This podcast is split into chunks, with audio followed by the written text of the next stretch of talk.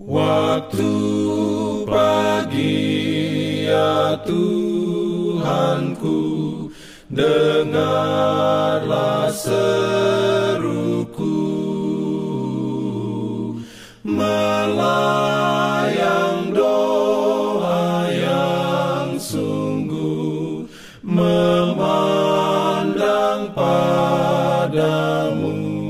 Selamat pagi pendengar Radio Advent Suara Pengharapan.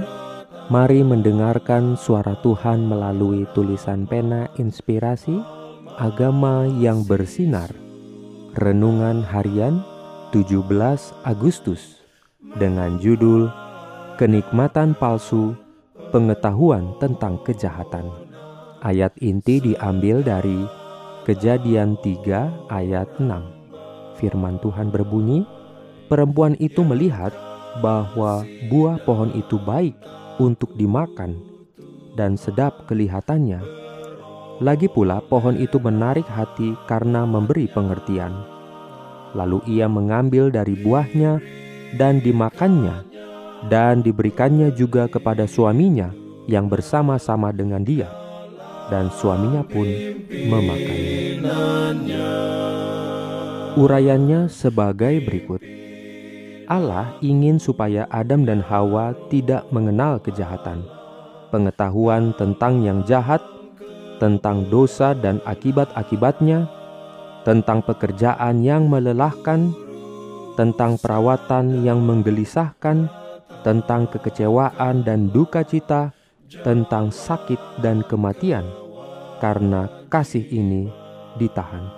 Sementara Allah mengusahakan kebaikan manusia, setan mengusahakan kebinasaannya. Setan ingin membuat sehingga kelihatan bahwa Pengetahuan tentang yang baik dicampur dengan yang jahat akan menjadi berkat dan dalam melarang mereka memakan buah pohon itu Allah menahan kebaikan besar.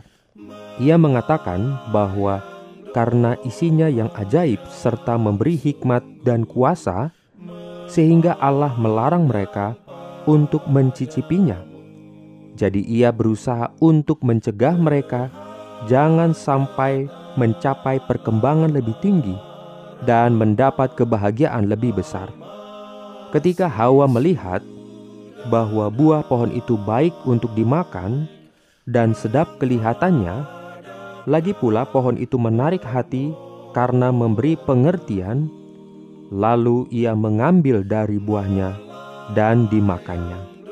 Rasanya lezat, dan sementara ia makan, ia merasakan ada kuasa hidup yang menyegarkan, dan ia membayangkan dirinya memasuki suatu tingkat keberadaan yang lebih tinggi. Setelah ia sendiri melanggar, ia menjadi penggoda bagi suaminya, dan suaminya pun memakannya. Matamu akan terbuka, kata musuh itu. Kamu akan menjadi seperti Allah, tahu tentang yang baik dan yang jahat. Mata mereka benar-benar terbuka, tetapi betapa menyedihkan. Jika Adam dan Hawa tidak pernah menyentuh pohon terlarang, Tuhan akan memberikan kepada mereka pengetahuan-pengetahuan yang di atasnya tidak ada kutukan dosa. Pengetahuan yang akan membawa mereka kepada sukacita abadi. Diberikannya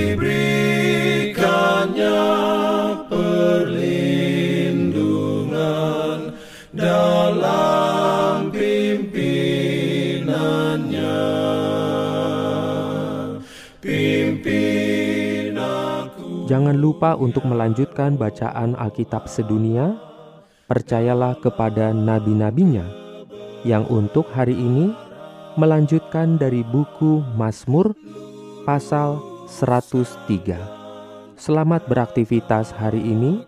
Tuhan memberkati kita semua. Jalan kewajiban.